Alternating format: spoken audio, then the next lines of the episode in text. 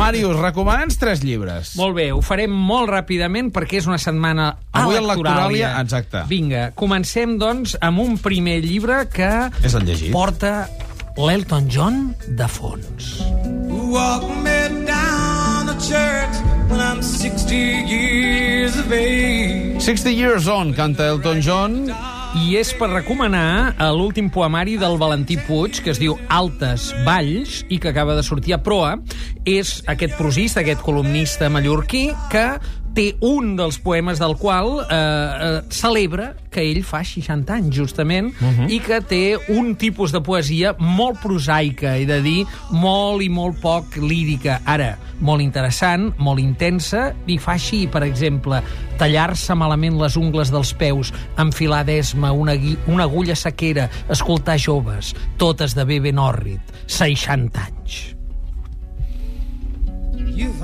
Mots clau?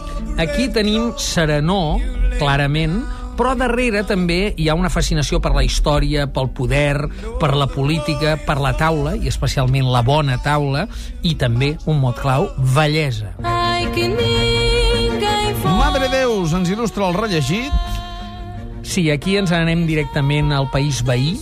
Uh, els Lusíades, de Luis Baas de Camões, aquest clàssic de la literatura universal que mm, ja d'entrada ens sorprèn aquest eh, masculí en el gènere, no?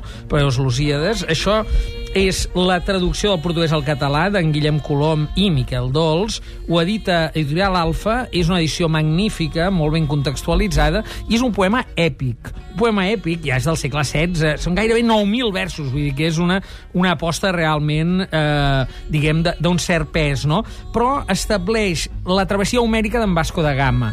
Per tant, hi ha molt de punt d'èpica, però al darrere també hi ha la creació de l'ànima de la nació portuguesa sota el sebastianisme. Per tant, és una molt bona notícia que ens hagi arribat aquest, eh, diguem, clàssic dels eh, lusitans, o lusos, i per tant, els lusíades dels portuguesos en traducció al català. I un apunt del fullejat abans del Superanimarius. Sí, merament un apunt, anunciar que ha sortit un llibre que es diu Palindromeando, i la, eh, disculpeu-me les últimes síl·labes, Sí. eh, ve de palíndroms, no res de la cosa Sí, urinària, sí, sí. de l'arte palindròmica. Javier de Navarro de Zubillaga, amb una editorial madrilenya que es diu L'Oficina, publica gairebé 4.000 frases capicua compostes per l'autor. Una, una autèntica follia, allò de Dávale arroz a la zorra elevat, elevat a l'enèsima potència. Sensacional.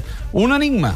Sí, fem l'enigma també, llancem-lo. Deixa'm dir-te, però, que ja tenim nou canvi de líder Ah, sí? a la d'això. La setmana passada el xalet va fer que perdessin pistonada els dos que anaven al davant i ara tenim al capdavant Josep Maria Sant Salvador i Núria González, Sarrià de Ter i Vilassar de Mar al capdavant de tots. Unim, la caixa que suma, t'ofereix el Superenigmarius amb Màrius Serra. Avui una mica fora d'hores. Quin és el d'avui? Anem a veure, un topònim que remet al fascinant món de la construcció. Ja us avanço que no és Maó, eh? No seria Maó. Per un punt a la copa. La població catalana on trobareu més totxos. La població catalana on trobareu més totxos.